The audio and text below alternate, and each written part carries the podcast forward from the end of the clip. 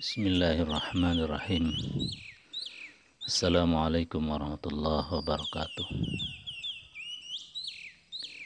Alhamdulillahi rabbil alamin Alhamdulillahilladzi Arsala rasulahu bil huda wa dinil haq kullihi wa kafa billahi syahida Asyhadu an la ilaha asyhadu anna muhammadan abduhu wa rasuluhu. La Muhammad wa ala Sayyidina Muhammad. Kama sallaita ala Sayyidina Ibrahim wa ala Sayyidina Ibrahim. Wa barik ala Sayyidina Muhammad wa ala Sayyidina Muhammad. Kama barakta ala Sayyidina Ibrahim wa ala Sayyidina Ibrahim fil alamin innaka Hamidum Majid. Qala Allah Ta'ala fil Qur'anil Azim a'udzu billahi rajim وما أمروا إلا ليعبدوا الله مخلصين له الدين حنفاء ويقيموا الصلاة ويؤتوا الزكاة وذلك دين القيمة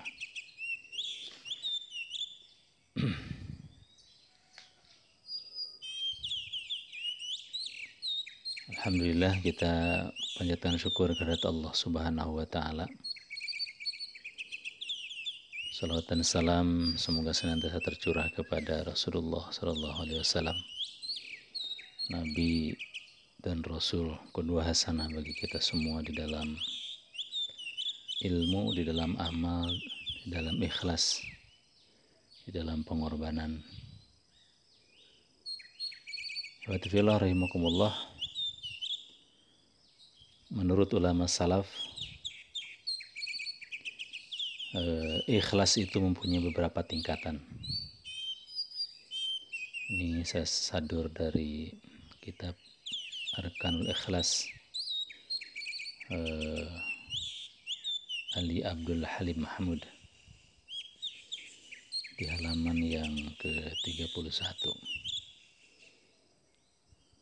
Beliau menyampaikan bahwa eh, para ulama salah satunya adalah Fudail bin Iyad itu memberingkat ikhlas itu menjadi tingkat tiga tingkatan. Tingkatan yang pertama kata beliau adalah tingkatan orang yang begitu selesai beramal dia tidak merasa perlu untuk melihatnya kembali tidak perlu untuk menengoknya kembali dan tidak perlu mengharapkan balasan. Dengan kata lain, dia beramal dengan sukarela dan senang hati. Ya, dengan demikian, dia menjadi orang yang ikhlas beramal semata-mata karena Allah saja, bukan demi kepentingan sendiri ataupun demi kepentingan orang lain. rahimakumullah pada tingkatan yang pertama ini secara eh, pemahaman dan secara perasaan kejiwaan eh, paling tidak ada tiga indikator ya bahwa kita sudah melewati level pertama dari ikhlas itu. Yang pertama eh, senantiasa mengingat nikmat-nikmat Allah dan menyerahkan semua urusannya hanya kepada Allah. Sebagaimana Allah berfirman, A'udzubillahi minasyaitonirrajim wa ma tasyauna illa Allahu rabbul alamin.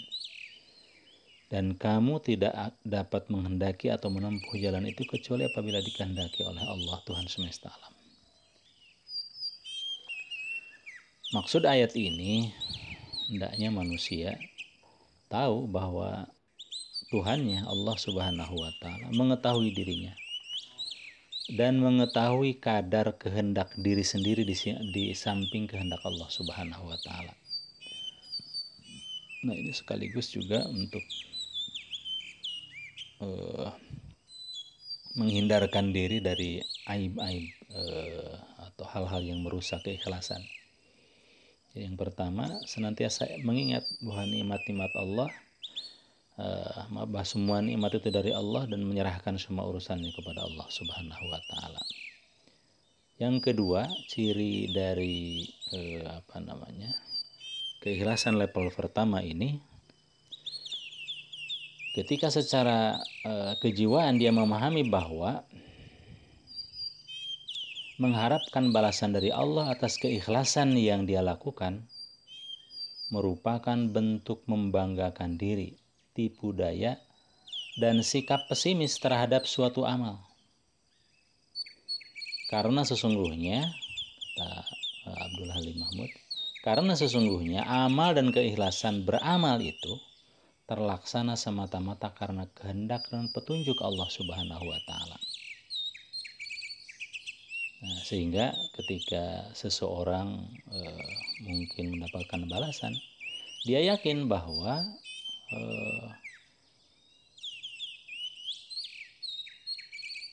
balasan dari Allah Subhanahu wa taala itu semata-mata Allah sedang ingin memberikan karunia dan berbaik berbaik kepadanya begitu. Nah, sehingga kesimpulannya kalau mengharap balasan dari Allah atas keikhlasan disebut sebagai kesombongan. Sekali lagi, kalau mengharap balasan dari Allah atas keikhlasan disebut sebagai kesombongan dan tipu daya, maka mengharap balasan dari selain Allah adalah sebuah kesyirikan. Jadi kita mengharap balasan dari Allah atas keikhlasan amal yang kita lakukan saja itu dianggap eh, sebagai kesombongan. Ini level pertama dari sebuah keikhlasan, ya sehingga tidak layak kita kemudian beramal itu demi, demi mengharapkan balasan dari Allah Subhanahu wa taala. Karena dianggap itu sebagai kesombongan dan tipu daya. Nah, apalagi kalau kemudian amal kita itu demi mengharap balasan dari manusia selain Allah. Ya, maka itu kata e, beliau dalam kitabnya itu adalah sebuah kesyirikan. Kemudian yang ketiga e, pada level keikhlasan yang pertama ini ini membiasakan diri melihat aib dan kekurangan diri sendiri ketika dia tidak bisa memenuhi semua hak Allah Subhanahu wa taala. Nah, ini semua akan mendidik diri, mendidik jiwa, mengajarkan kita dan mencegahnya dari sikap berpuas diri dan senang dengan amalnya. Apalagi membanggakannya. Jadi, tidak layak kita kemudian membangga-banggakan amal kita sudah ikhlas begitu ya. Karena betapa banyak aib dan kekurangan diri kita di hadapan Allah Subhanahu wa taala. Itu tingkatan yang pertama. Kemudian tingkatan yang kedua dari ikhlas itu, dari ikhlas dalam amal itu adalah tingkatan seseorang yang merasa malu dengan amal yang ia lakukan dengan ikhlas. Sehingga dia berusaha menyembunyikannya dari pandangan orang lain. Dan sehingga juga dia menganggap keikhlasan beramalnya merupakan karunia Allah atas orang-orang ikhlas bukan atas kehebatan pribadi begitu.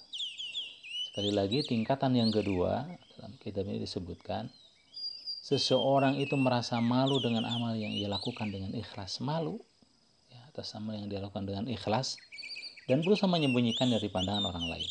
Nah, tentu yang dimaksud di sini malu di sini adalah malu dengan Allah. Ya, malu dengan Allah karena pada prinsipnya seseorang mukmin merasa amalnya terlalu sedikit untuk dipersembahkan kepada Allah. Meskipun daya upaya kita sudah kita kerahkan sepenuhnya. Dan seorang mukmin seharusnya tidak merasa yakin amalnya akan diterima oleh Allah. Nah, ini salah satu ciri tingkatan kedua dari keikhlasan itu dia tidak merasa yakin, tidak pede, tidak kepedean bahwa amalnya itu diterima oleh Allah Subhanahu wa taala. Ini Rasulullah SAW ketika menafsirkan atau ketika menjelaskan uh, Quran surat Al-Mu'minun ayat 60-61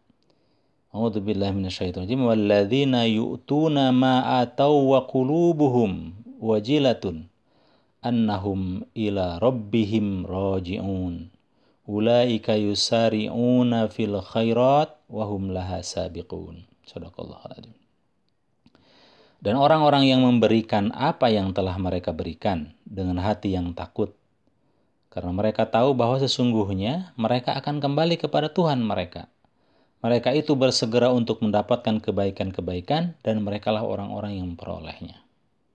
Al-Mu'minun 60-61. Nah, apa kata Rasulullah SAW menjelaskan ayat ini?